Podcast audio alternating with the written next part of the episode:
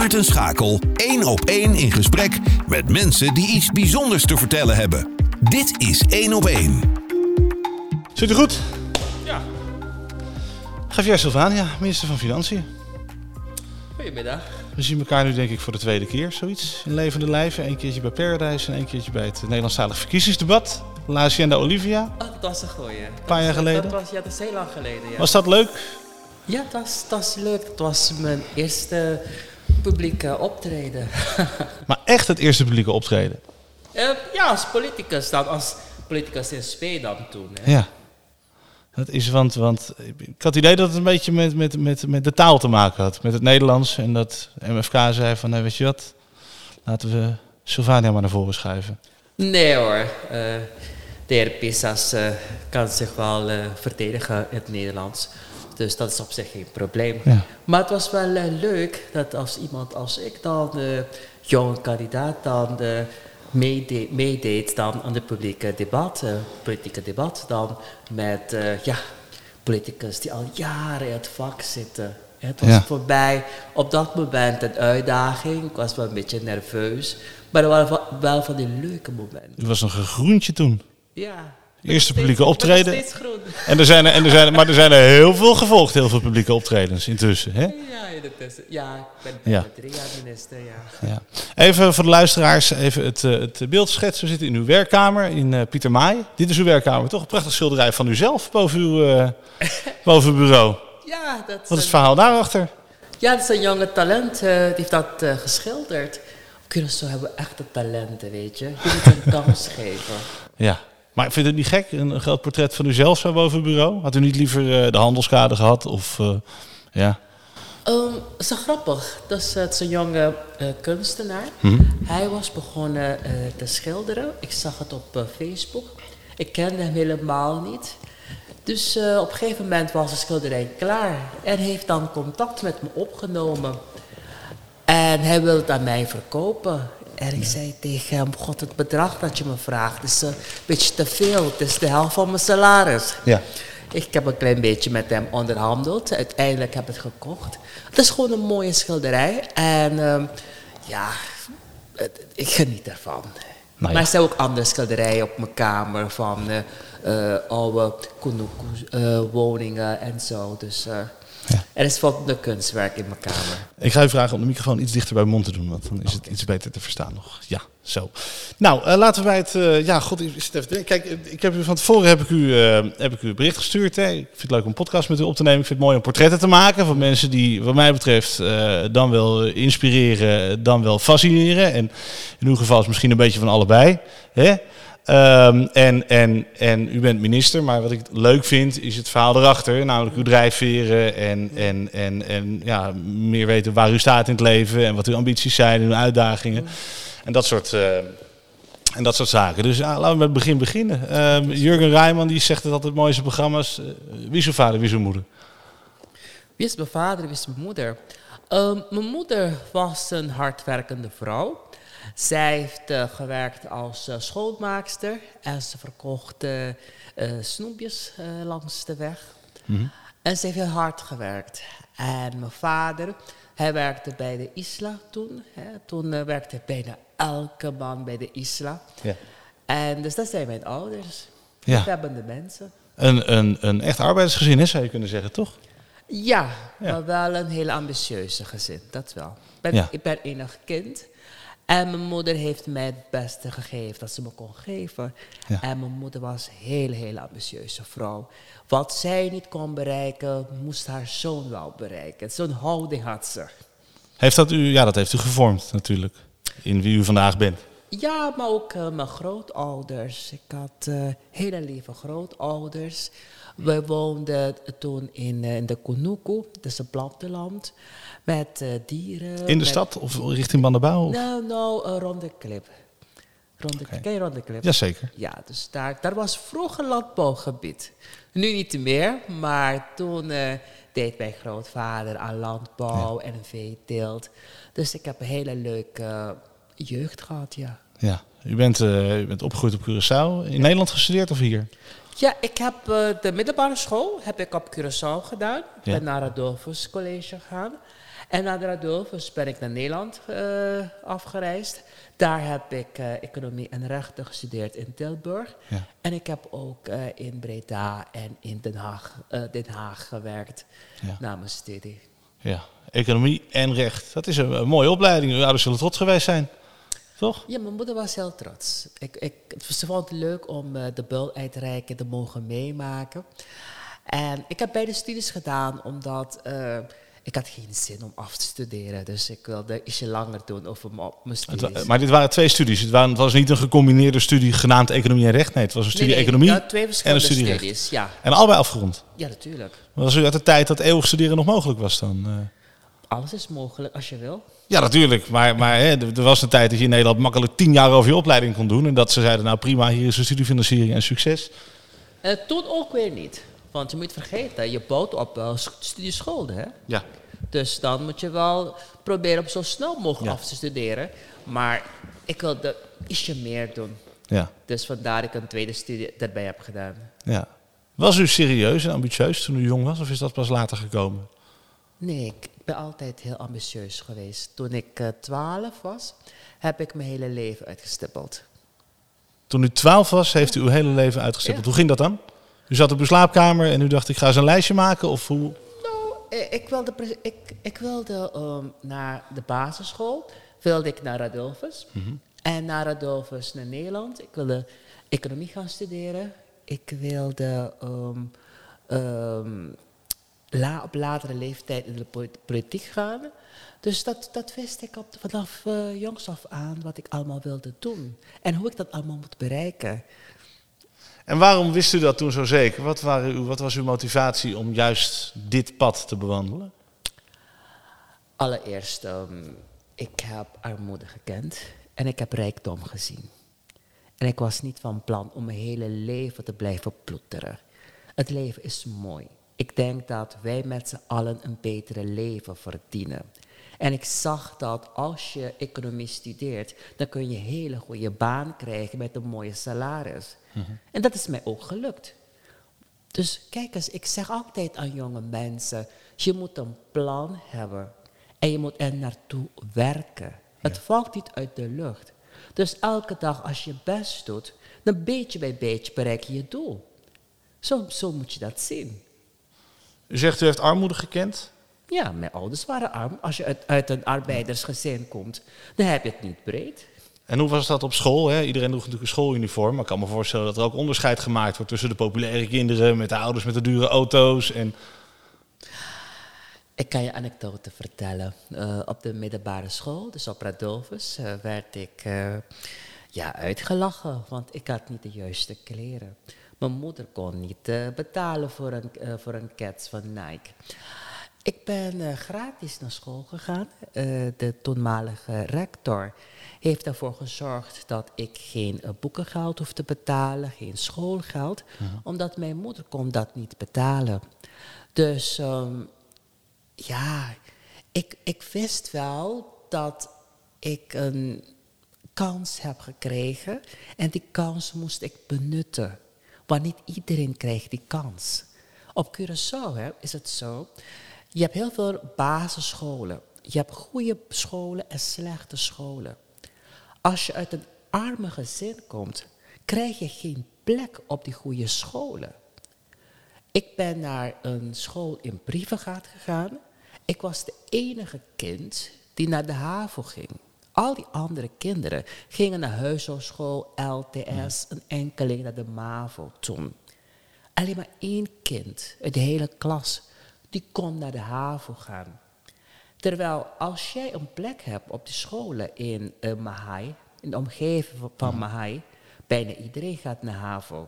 Want je hebt de betere scholen. Ja. En, ook, en ook een andere opvoeding, waarbij er meer zekerheid is, waar je niet met een lege maag naar school hoeft. Niet alleen dat, sommige scholen hebben een achterstand. Behalve sociale problemen, behalve armoede. Maar je hebt ook goede kwalitatieve scholen en mindere scholen op Curaçao. Kunt u ze een Dat voorbeeld is noemen? Zijn het scholen waar, scholen waar drugs gedeeld wordt en dat soort zaken? Of, of, of scholen waar geen materialen zijn? Hè? Want openbare scholen zouden in theorie natuurlijk allemaal gelijk moeten zijn. Wat ik vertel is geen geheim, iedereen weet dit toch wel. Je hebt toch toch je best gedaan dat je, als je kind hebt, dat je op een, een betere school komt. Ja. Dan met scholen met lange wacht, wachtlijsten. Ja. Iedereen weet wel welke de betere scholen zijn. En dat is een maatschappelijke probleem op Curaçao. En die bestaat nog steeds. Ja. U zegt, eh, u zegt, u werd dan een beetje uitgelachen om, om, dat u niet de juiste kleren droeg en dergelijke. Dat kan natuurlijk ook, dat vormt je, kan je heel erg vormen voor later natuurlijk. Dat je denkt van al die mensen die me toen uitlachten, waar zijn ze nu? En kijk eens, u heeft het mooiste jasje aan van eh, de hele ministersploeg, eh, volgens mij, eh, meneer Oh nee hoor, dat is een goedkope jasje van Mango. Dat is niet zo duur. ik koop geen dure kleren. Je hebt wel Maar de, vaak wordt in je jeugd vorm, word je natuurlijk gevormd met dit soort dingen. En dat is volgens mij een innerlijke drijfveer, kan dat worden uiteindelijk.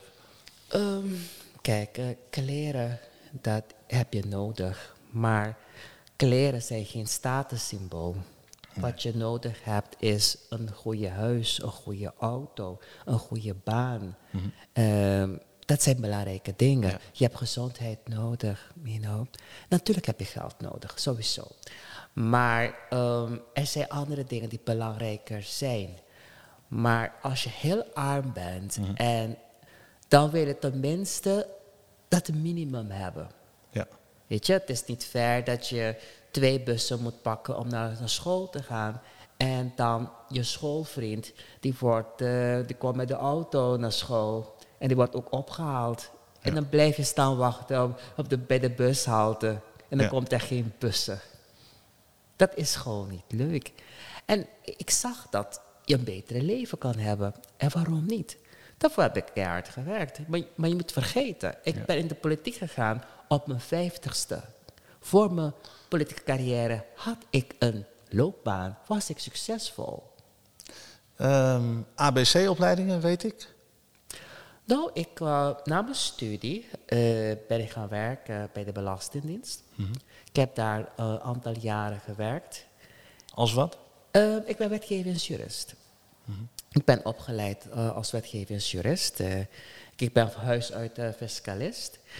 Ik heb eh, toevallig eh, hier gewerkt. En eh, nu is ehm, mijn baas toen, zij werkt nu hier voor mij. Zo grappig. En dus ik had... ehm, ik was, mijn laatste functie bij de Belastingdienst was de hoofd van de afdeling Fiscale Zaken. Daarna heb ik dan gewerkt aan de Universiteit van Curaçao als hoofddocent.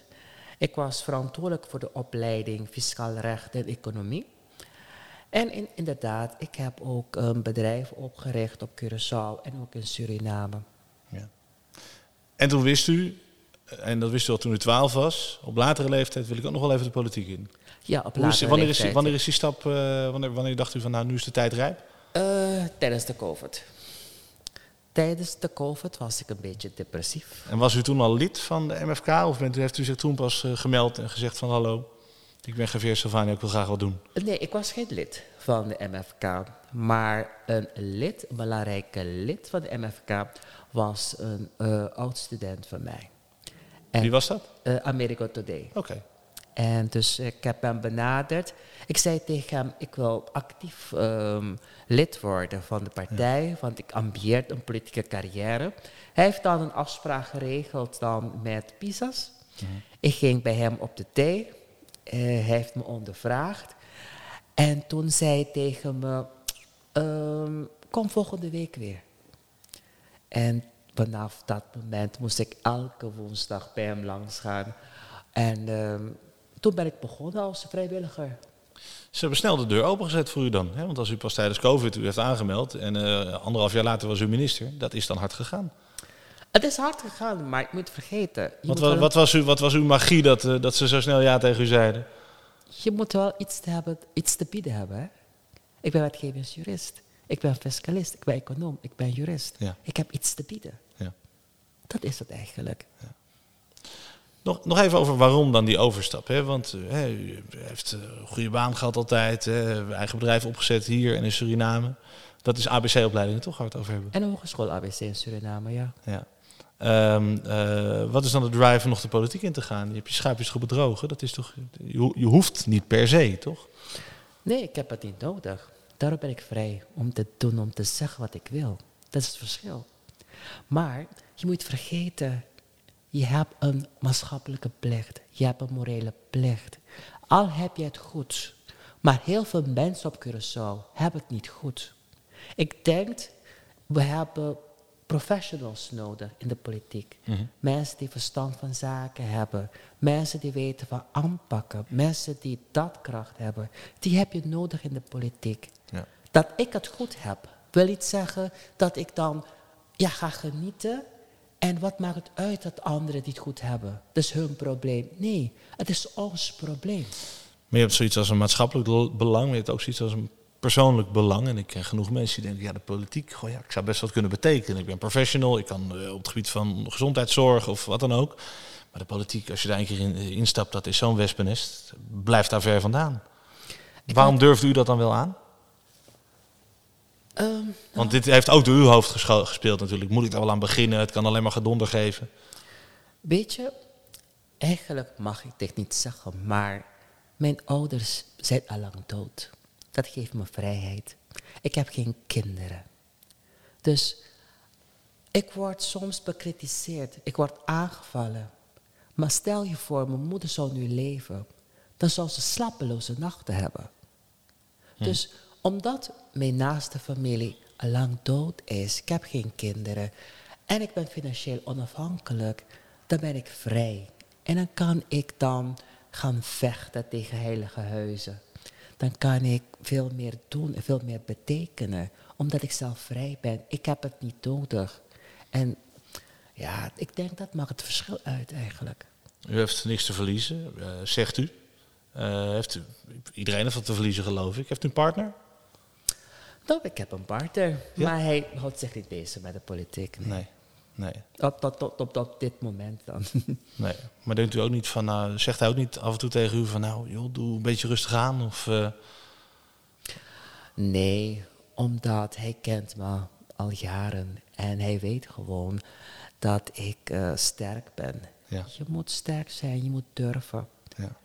En eh, dus, nee. En ik, ik heb, ik heb eh, ook mijn fanclub al, eh, die me steunen. Mijn partij ook. Mijn collega's. Dus ik ben niet alleen. U gebruikt het woord fanclub. En ik zie het ook wel eens op uw Facebook voorbij komen. Fans, fans, fans. Ik denk, moet een politicus eigenlijk wel het woord fans gebruiken?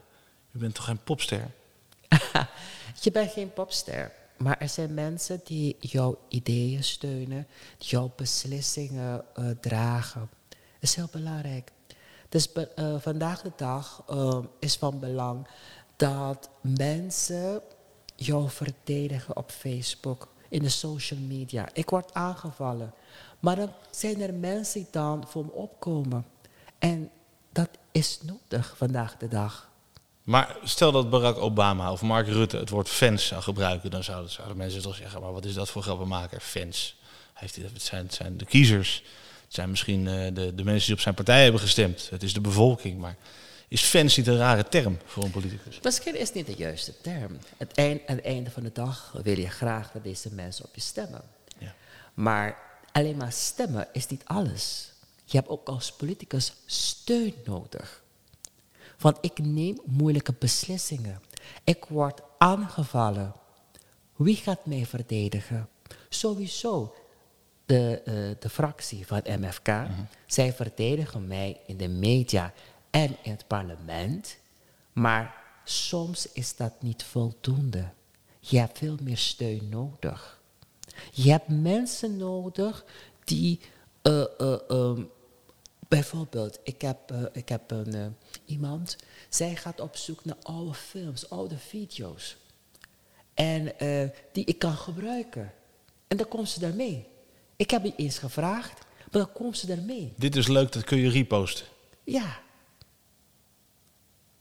Die, die, die, dat is onderdeel van een. Nou, ik, ik- hoeveel berichten verschijnen er per dag op uw, op uw Facebook? Dat verschilt natuurlijk een beetje, maar. ik hou er niet bij. gemiddeld. Maar ik gebruik de social media om te communiceren met de bevolking. Ja. En dat is een novum op Curaçao. Ja. Maar het geeft me vrijheid. Want dan ben ik niet afhankelijk van de traditionele media. Want anders moet ik een journalist bellen om te kijken of ze mij willen interviewen. of ze een artikel willen schrijven. Maar nu is dat niet meer zo. Ik kan rechtstreeks communiceren. En dan komt mijn boodschap ongefiltreerd over. Ik snap het. Aan de andere kant, ik zit natuurlijk aan de andere kant hè, als, als pers, als, als, als radio. Ehm, ik zou er weer zeggen van ja, luister, als we alleen maar uitgaan van wat Sylvana op zijn Facebook schrijft, krijg je een heel eenzijdig, kritiekloos beeld. En dat is natuurlijk wel de rol van de media. Hè, ook natuurlijk om de, om de zittende macht te controleren en om kritisch te ondervragen. Kijk, wat? Want, want je hebt natuurlijk vaak heb je het, heb je, er is iets gebeurd en dan kun je zeggen van luister, hè, er moet- moet 5 miljoen, hè, er was eerst 15 miljoen beschikbaar en er moet 5 miljoen bezuinigd worden. Maar wat ik bij u op Facebook zie, kijk eens, we hebben 10 miljoen vrijgemaakt. Hè, dus er zijn natuurlijk vaak zijn twee manieren om het te bekijken en daar zie ik wel eh, het belang van de media weggelegd. Dat is misschien niet uw belang per se, maar natuurlijk wel het belang van de, van, van de media, van de journalistiek en ook het belang van de bevolking. Want die weten dat er tenminste kritisch naar die politiek gekeken wordt. En niet klakkeloos alles aangenomen wordt van de minister Ja. die iets op Facebook schrijft. Maar ik neem aan dat je mijn Facebook-page raadpleegt. Daar vind je documenten, belangrijke documenten die je kan gebruiken om voor, je, voor, voor een artikel, krantartikel of eh, voor een programma. Maar ook belangrijke dingen, die post ik. Maar natuurlijk hoef jij dat als journalist dat niet kritiekloos over te nemen, maar je krijgt wel informatie die je kunt gebruiken. Dat is één. Zeker. Twee, je moet niet vergeten op Curaçao. Op Curaçao zijn weinig mensen die een journalistieke opleiding hebben genoten. Ja. Daarnaast, ze zijn niet eens onafhankelijk. Ze hebben politieke kleur en vaak zijn ze afhankelijk. Dus wat in de officiële media verschijnt, dan moet je met een korreltje zout nemen. Absoluut. Is ook niet altijd zuiver. Maar toch, als ik bij u voorbij zie komen breaking news of groot succes. dan gaan bij mij al de alarmbellen rinkelen. Dan denk ik, nou, dat wil ik nog wel eens even goed bestuderen. Of dat Ja, zo en dan mag je dan de documenten bestuderen die ik heb gepost op mijn Facebook. Ja. En dan kun je, dan, dan kun je dat gebruiken voor jouw, voor jouw radioprogramma. Heeft u al eens een belletje gehad van, eh, van Mark Zuckerberg eigenlijk? Want iedereen zit tegenwoordig alleen maar op Instagram en TikTok en zo. Maar u weet Facebook aardig levend te houden. Zo belangrijk ben ik ook weer niet, joh. Ehm, wat is uw doel? Minister-president? Eh, nee. Nee, ik ambieer dat niet. Als minister van Financiën kan ik zoveel betekenen. U kunt dat nu nog niet zeggen natuurlijk, want meneer Pisas zit op die plek en u wil hem niet afvallen. Dus daarom zegt u dat u dat nu niet ambieert. Nee, ik heb dat ook tegen hem gezegd. Ik ambieer dat niet. En ik kan je Maar heel- ambities kunnen veranderen. Nee, nee. Weet je waarom? Als minister van Financiën kun je zoveel betekenen. Als minister van Volksgezondheid kun je zoveel betekenen. Als minister-president nog veel meer. Nee. Wat is de rol van minister-president? Wat is de rol van de minister van Financiën? De minister van Financiën, eigenlijk, is de belangrijkste minister. Ik moet, ervoor, ik moet ervoor zorgen dat geld binnenkomt.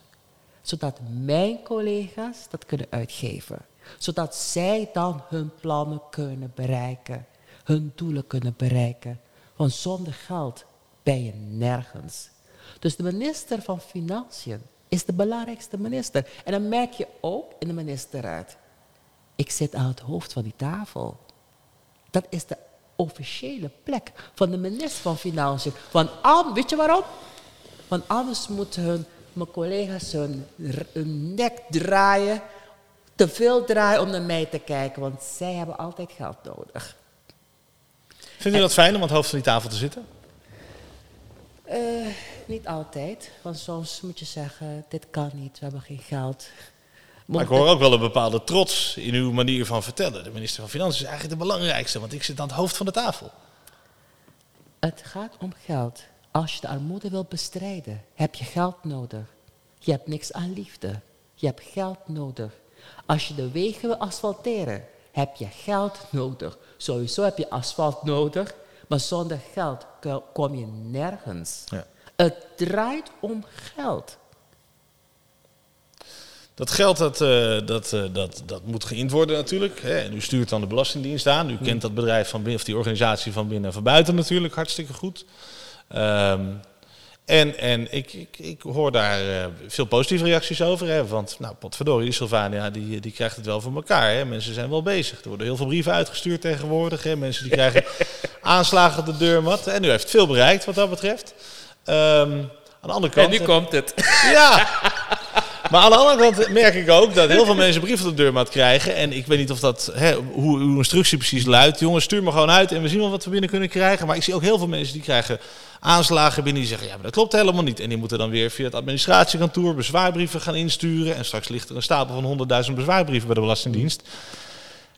En dan, wordt het, dan loopt de hele boel vast, want dan moeten al die bezwaren weer behandeld worden. Mensen zijn bakken met geld kwijt aan die, aan die administratiekantoren om die, die, die administratie allemaal te verwerken en die brieven te versturen. Dat is een keerzijde, denk ik, van dat... Ja, ik, heb, noem het een beetje een soort sleepnetbeleid. Hè? Je gaat met een heel groot net en je kijkt wel wat erin blijft hangen of zo. Nee, zo gaat dat niet. Zo gaat dat niet. Je hebt heel veel mensen die geen aangifte doen. En, dan, en ik weet haar fijn wie naar jouw programma luisteren. Dat zijn vaak Nederlanders. En je hebt Nederlanders die op Curaçao een vakantiehuis hebben. Ze verhuren die vakantiehuis.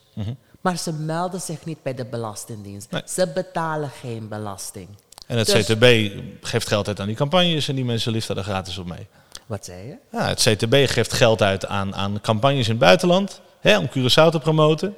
En die mensen met dat heeft- vakantiegeld... heeft niks mee te maken met de lage belastingmoraal. Nee, maar die dat mensen de discussie wel zuiver houden. Nee, nee, ik, be- ik bedoel juist te zeggen dat het inderdaad niet meer dan terecht is dat die mensen belasting betalen. Want die profiteren gratis mee van al die promotie.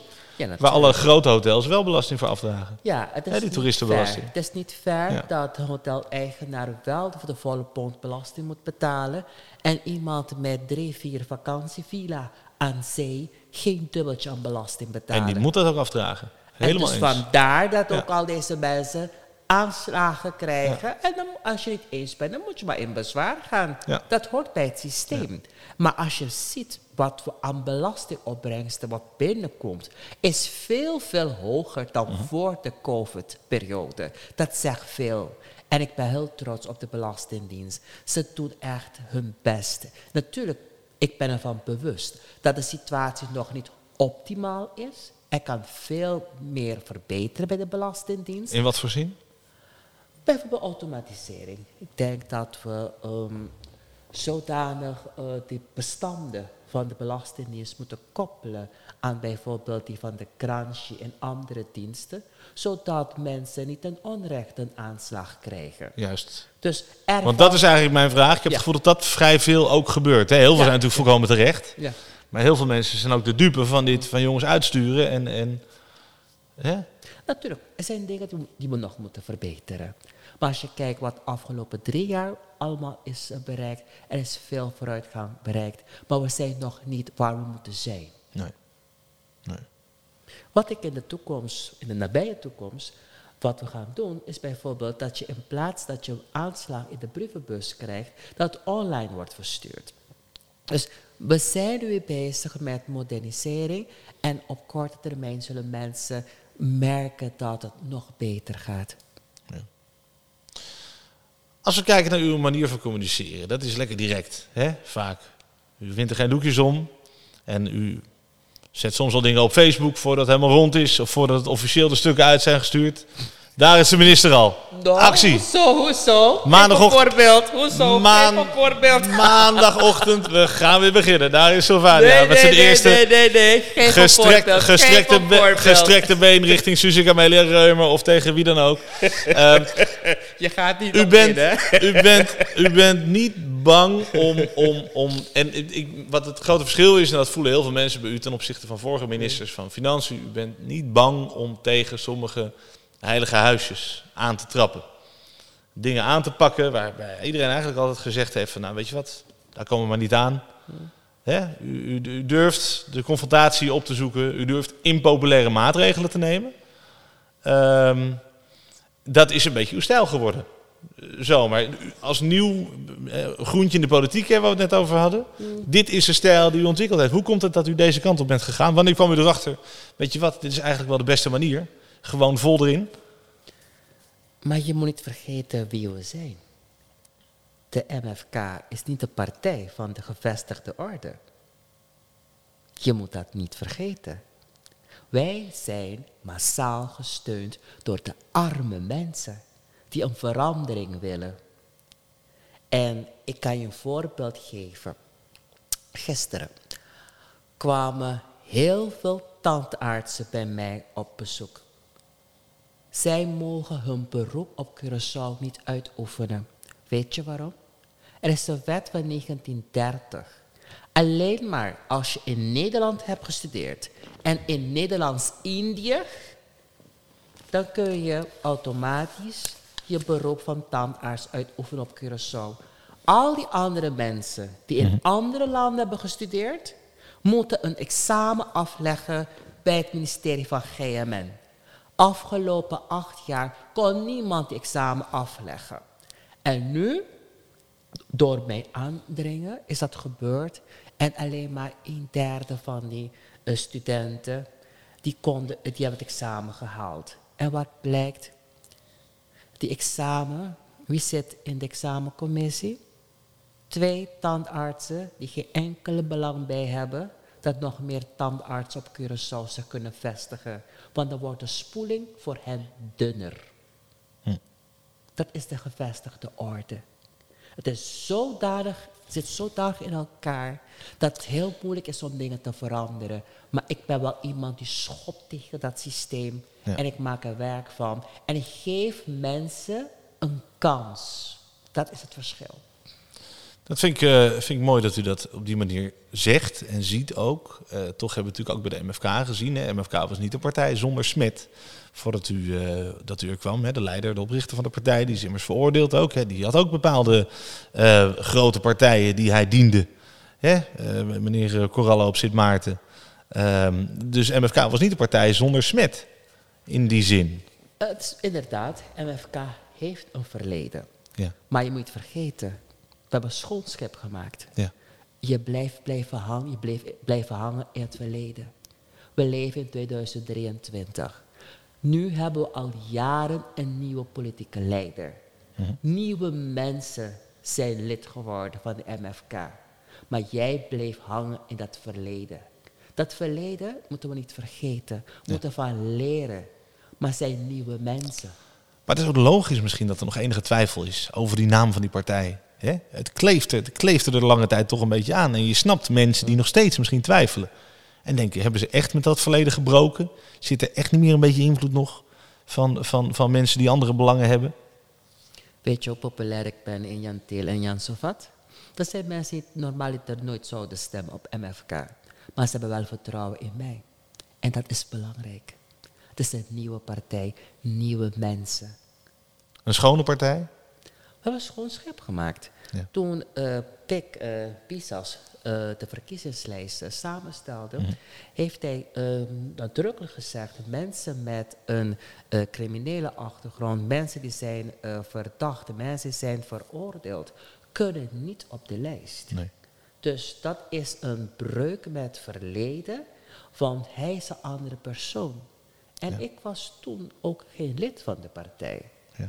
Dus het is een nieuwe partij, nieuwe mensen. En ehm, we moeten het verleden laten wat het is. Je moet kijken, wat hebben we afgelopen drie jaar bereikt? Maar jij blijft terugkijken naar wat tien jaar geleden is gebeurd. Nee, kijk wat wij afgelopen drie jaar hebben bereikt. Dat zegt veel over de nieuwe MFK. Ehm, wanneer, is uw, eh, wanneer is uw politieke ambitie vervuld? Wanneer zegt u van nou, mission accomplished. Je kan eh, met een gerust hart met pensioen, bijvoorbeeld. Of iets anders gaan doen. Of, eh, Als ik eh, de financiële administratie van de overheid op orde heb, want dat is dus nooit. nou, ik kan veel Het bereiken. is een ongoing process, toch? Ik geniet te veel van mijn job, moet ik eerlijk toegeven. Ja. Ik heb de leukste baan van de wereld. En nu nog meer, omdat ik het kan combineren met GMN. En dan kun je zoveel betekenen in de gezondheidszorg. Weet je, het is me gelukt eh, dat nu ehm, Advent ehm, oogartsen in dienst kan nemen om die lange wachtlijst te kunnen wegwerken. Dat geeft voldoening. Weet je, als ik, als ik kan regelen dat al die jonge kinderen die gehandicapt zijn een rolstoel krijgen, dat geeft voldoening. En daarvoor doe ik het gewoon. Het geeft me gewoon heel veel plezier om dit te doen. En ik wil het zo lang mogelijk blijven uitoefenen. Is het lastig om het... eh, het zijn twee ministersposten. Ehm, u kunt dus vertellen over die combinatie. Want volgens mij met financiën heeft... Kijk, er zitten natuurlijk hele departementen met ambtenaren zitten eronder. Dat snap ik ook wel. Maar toch, om allebei je onverdeelde aandacht te geven... lijkt me onmogelijk. Nee, het is mogelijk. Maar je moet vergeten, ik heb een team. Ik heb twee kabinetten. Het zijn mijn medewerkers die het vuile werk doen. Ik moet richting geven, ik moet aansturen. Ja. Ik bepaal de richting. Maar ik heb hele goede mensen die me ondersteunen. Eh, advocaten, fiscalisten, accountants, organisatiedeskundigen. Ik werk alleen maar met professionals. En, maar zij doen die wonder eigenlijk. We zijn één team, maar zij doen het voor mij. Dus nee, en wat, mensen soms zeggen van, god, het is zoveel werk. Het is een piepklein eiland. 150.000 mensen. Ja, met landelijke, met, met, landelijke problemen natuurlijk, hè? Ja, ja, maar je Ja. moet overdrijven. Voor mijn gevoel hebben we gewoon te veel ministeries, te veel ministers. Dat is een piepklein eilandje. Niet overdrijven, joh. Ik heb alleen maar 700 mensen die dan bij die twee ministeries werken. Kun je eens vergelijken met Nederland, laat staan Amerika. Hoe vindt u het om richting te geven, om, om aan te sturen, om leiding te geven? Kunt u dat? Heeft u, eh, heb- vindt, u, vindt u dat leuk? Dat, want het is natuurlijk, je moet op een bepaalde manier met mensen omgaan. Je moet ze een beetje, een beetje aai over de bol geven af en toe. Soms moet je wat strenger zijn. Je moet een duidelijke visie hebben. Je moet dat goed weten over te brengen op iedereen. Ehm, is dat iets wat in u zit? Heeft u daarvoor in de loop der jaren ook eh, heel veel trainingen gevolgd en dat soort dingen? Hoe werkt dat? Het is een combinatie. Hoe verzin je de- hoe dat allemaal werkt? Nee, kijk, als je moet vergeten. ehm, je- ik heb bepaalde opleidingen genoten. Ik heb eh, bepaalde werkervaringen opgedaan. Eh, dat is de bagage die je meeneemt. En dat is dan je rijkdom. Ik heb een bepaalde manier om leiding te geven. Dat wil zeggen, ik breng iedereen aan tafel. Alle stakeholders zitten aan tafel. En dan gaan we pittige discussies voeren. We gaan debatteren. Soms worden mensen emotioneel, worden ze boos, maar we blijven aan tafel zitten. En volgende week hebben we weer een vergadering. En zo blijven we dan puntsgewijs al die problemen dan bespreken en kijken hoe gaan we het oplossen. Ja. Met iedereen aan tafel. En dat is de manier die voor u werkt om twee ministeries aan te kunnen sturen en te kunnen leiden. Ja, maar het, het gaat niet eens om die twee ministeries. Het gaat om die problemen die moeten worden opgelost. En dan kun je alleen maar oplossen als, de, als alle stakeholders aan tafel zitten. Mensen die gestelde belangen hebben. Mensen die soms vijanden zijn van elkaar. Ik zeg, men, zeg al deze mensen, we gaan aan tafel zitten. Als je iets te zeggen hebt, zeg het. Ik wil het horen. En dan kunnen we pittige discussie hebben. Dan hoef je eens te zijn met mij, prima. Maar aan tafel gaan we dit probleem oplossen. Ja. Er is één ding waar ik eh, de afgelopen jaren, hè, dan komt uw naam eens een keer voorbij, omdat er iets is gebeurd in het nieuws of iets dergelijks. En er is één ding, daar ben ik, ben ik eigenlijk het meest aan herinnerd van, van alle andere dingen die mensen zeggen over u. Ehm, dat eh, was zo'n voorval tijdens dat verkiezingsdebat. En een van de onderwerpen, misschien weet u het nog, was het homohuwelijk op Curaçao. U heeft zelf een, een mannelijke partner, we hebben het over gehad zojuist. En u gaf toen aan, hè, het woord wat u gebruikte, weet ik nog heel precies, het was niet opportun op dit moment om het erover eh, te hebben. Ehm, ik, ik, snap dat, ik, ik snap hoe gevoelig het, dit onderwerp ligt binnen grote, eh, vooral kerkelijke delen van, eh, van Curaçao. Ehm, hoe, staat u daar tegen, hoe staat u daar nu in, in dit, in dit verhaal? Ehm, is dit een onderwerp wat bespreekbaar is in de ministerpartij? Ik weet, het is naar de Hoge Raad, daar is het voor behandeld inmiddels. Hoe staat u erin? Net als drie jaar geleden. Bij dit, die politieke debat. Het is nog steeds niet opportun. Luister eens. Ik ben minister van Financiën. Mhm. Ik ben minister van GMN. Ik ben geen minister van Familiezaken. Ik ben geen minister van Seksualiteit. In dit land hè, zijn zoveel problemen. Financiële, economische problemen, sociale problemen. Die hebben prioriteit. Laten we deze problemen oplossen. Er zijn mensen die geen werk hebben. Er zijn mensen die geen huizen hebben. Laten we onze aandacht, energie besteden aan die problemen. En als we die problemen hebben opgelost, dan kunnen we ook andere zaken meenemen. In dit land, hè, waar je door je geaardheid niet eens een baan kan krijgen, je wordt gepest op school, dan moeten we zulke zaken eerst aanpakken. Maar en bent u... trouwen, dat is een luxe probleem voor mensen zoals ik, die al binnen zijn. Nou, dat geloof ik niet. Want dan zou je hetzelfde kunnen zeggen over heteroseksuele huwelijken. Maar daar voeren die discussie toch ook niet over? Precies. Maar deze discussie, wat heel grappig is, de Nederlandse, de Nederlandstalige pers, die stelt altijd deze vraag aan mij. Oh ja? Altijd. Dat staat hoog op hun lijst. Nou ja, omdat het, omdat het, omdat het over eh, mensenrechten gaat. En eh, kijk, u heeft, je hebt natuurlijk politiek en u zegt... U is zegt ook mensenrechten. En maar- Voldoende eten is ook mensenrechten. Maar Dat u- wij- dat, daarover hebben we geen vragen gesteld. Eh, of niet? Of niet? Ja, dat, daar kunnen we nog naartoe. Daar kunnen we nog naartoe.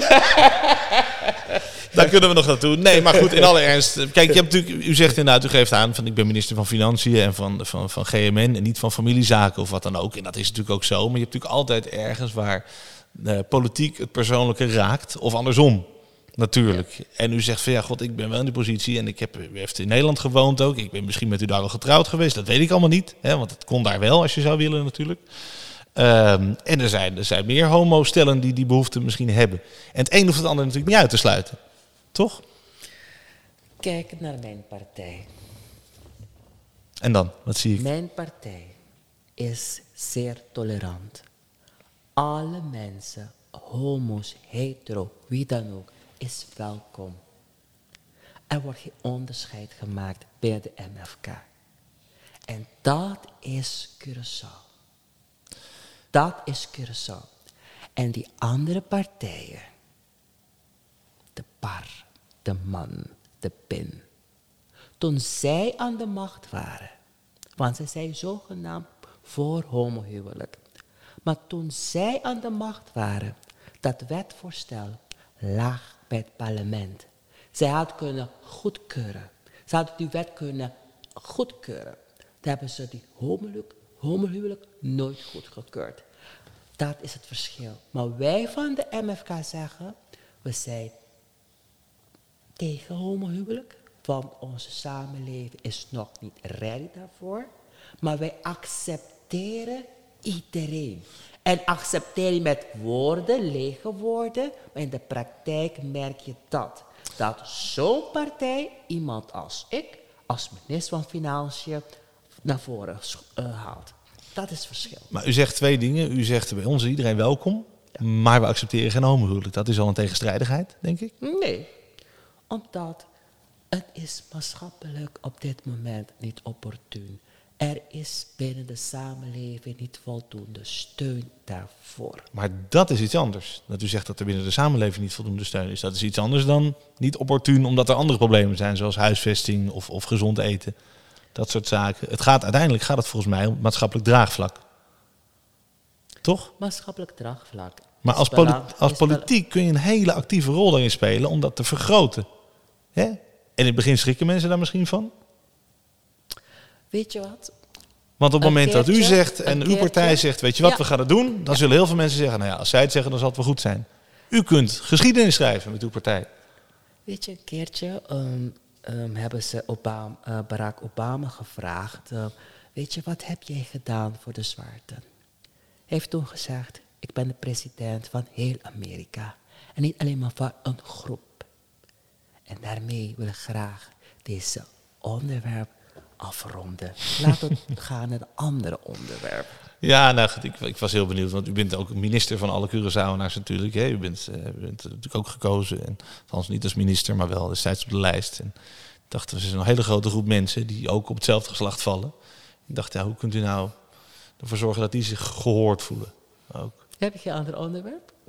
Ja, nee, goed. Als u, daar, als u, als u het wel, wel afrondt op deze manier, dan... eh, Ik heb twee ministeries. Je kunt ook praten over de problemen bij CMC, bij Advent. Ja. eh, En zo kunnen we doorgaan. Ja, nee, maar wat ik, kijk, wat ik natuurlijk juist interessant vind, is het. Wat ik juist interessant vind, is het. eh, wat ik juist interessant vind, is het, is het persoonlijke verhaal natuurlijk. En niet zozeer de, de, de politieke aanpak van de problemen, maar meer inderdaad uw persoonlijke drijfveer, hè, waar het uw persoonlijke raakt. En dit onderwerp is ook iets wat u, wat u persoonlijk, wat overlap heeft met uw persoonlijke situatie, snapt u? Dus daarom vind ik dit interessant. Ik begrijp dat. Omdat dat best wel kan botsen, kan ik me voorstellen, bij u van binnen. Ja, maar mensen die op een wachtlijst staan om geopereerd te worden, dat raakt me ook persoonlijk.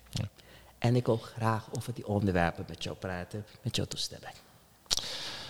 Oké. Ehm, nou, laten we dan nog even naar kijken. Want ik zie, we zijn al lekker drie kwartier aan het kletsen met elkaar. Volgens mij heb je maar één onderwerp, daarvoor zit je hier. Nee, het onderwerp... Wacht even. Het onderwerp bent u.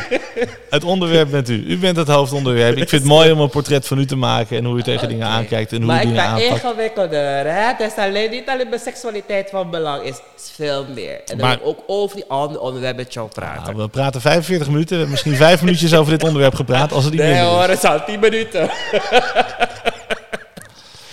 Goed, ehm, laten we het hebben over gezondheidszorg dan even heel kort. Eh, want dat is ook nog iets wat, eh, wat u, waar u zich mee bezighoudt. Hè? Ehm, hoe gaat het met, eh, met de medisch specialisten, met om tafel zitten? Want het gaat uiteindelijk allemaal over, hè, over die, die lonen die wat omlaag moeten. En ik heb het gevoel, u speelt het hard, zij speelt het hard. Uiteindelijk vinden jullie elkaar toch gewoon ergens in het midden. Natuurlijk. Dat is mijn manier van zaken doen. Maar waarom, moet je dan, waarom, waarom is dit hele, deze hele poppenkast dan nodig? Van uw kant en van hun kant. Kun je niet gewoon een beestje bij de naam noemen en zeggen... jongens, laten we er gewoon vandaag uitkomen met elkaar. De realiteit is dat als belangengroeperingen mij benaderen, dan komen ze met keiharde eisen. Ze leggen de mes op tafel. Maar u bent niet heel anders, denk ik. Nou, dan moet ik kort, ik maak korte metten met ze. Want de middelen zijn beperkt. Het is niet zo dat als je bij me aanklopt als medisch specialist of apotheker, dat ik meteen de beurs opentrek en dan geef ik je geld. Zo werkt dat niet. Dus mijn manier van zaken doen is, laten we aan tafel zitten, laten we kijken wat we voor elkaar kunnen betekenen. We moeten wel Ja. rationeel blijven, we moeten redelijk blijven. En kom niet met allerlei eisen, zet me niet in een hoek, dwing me niet om dingen te doen, want zo werkt het absoluut niet. Bijvoorbeeld de apothekers, die gaan dan staken tussen analistensteken. Dan worden al hun personeel opgetrommeld. Die zijn dan verplicht om dan eh, mee te doen. Omdat zij willen veel meer geld verdienen. Nou, En daar valt wel iets voor te zeggen, toch? Want die receptregel die is al twintig jaar niet meer omhoog gegaan, zoiets. dat weet ik niet. Ik weet niet of dat tarief niet voldoende is. Dan moet je eerst onderzoek verrichten.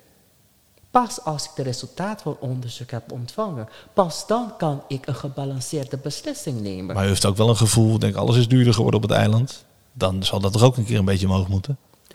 Als dat zo is, waarom heeft de apotheker 1, 2, 3, 4, 5 boutiques? En dan wil ik een zesde gaan openen? Blijkbaar gaat niet zo slecht. Ehm, En als je ook kijkt naar hun lifestyle, mooie auto's, een mooie schip. nou, Ik niet niet, niet allemaal heeft een mooi schip, volgens mij. Er zijn een paar die heel goed doen. Oké. Dan is er één onderwerp wat ik nog even met u wil aanraken. En dat is de gokindustrie. Want daar is ook heel veel over te doen. Dat hele online gambling eh, verhaal. Ehm, volgens mij moeten er nieuwe regels eh, met u mee bezig. Hè, dat het allemaal wat transparanter gaat. En dat er minder van die, van die sublicenties worden uitgegeven. Eh, hoe staan we ervoor momenteel? Ik ga um, op zeer korte termijn dat wetvoorstel aanbieden aan Ja. de staten. Dat zeggen nog dit jaar. Ja. En hopelijk gaan de staten in de eerste kwartaal van volgend jaar eh, die wet eh, behandelen en hopelijk aannemen. Ja. Hoe, eh, hoe kijkt u naar, de, naar die online eh, gokindustrie? Hè, want dat is een enorm apparaat waar miljarden in omgaan.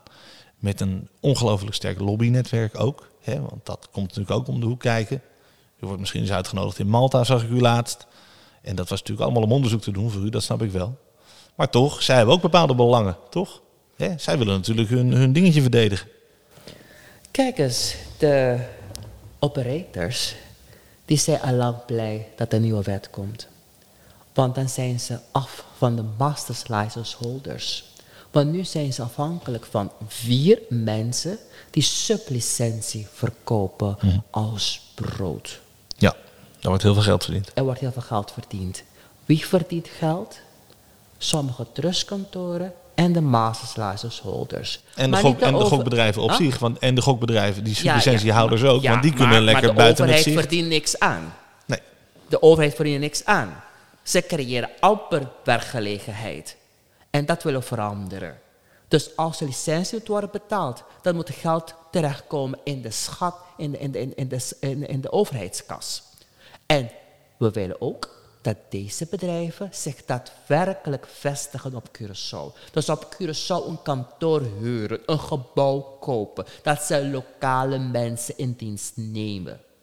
En dan heeft onze economie, onze samenleving profijt aan deze industrie. Daar boven, bovendien moeten ook maatregelen worden genomen om witwassen te voorkomen en finan- financiering van terrorisme. Dat is ook heel belangrijk. En bescherming van de spelers. Want heel veel mensen die hebben dan de hoofdprijs gewonnen, maar het wordt niet uitbetaald.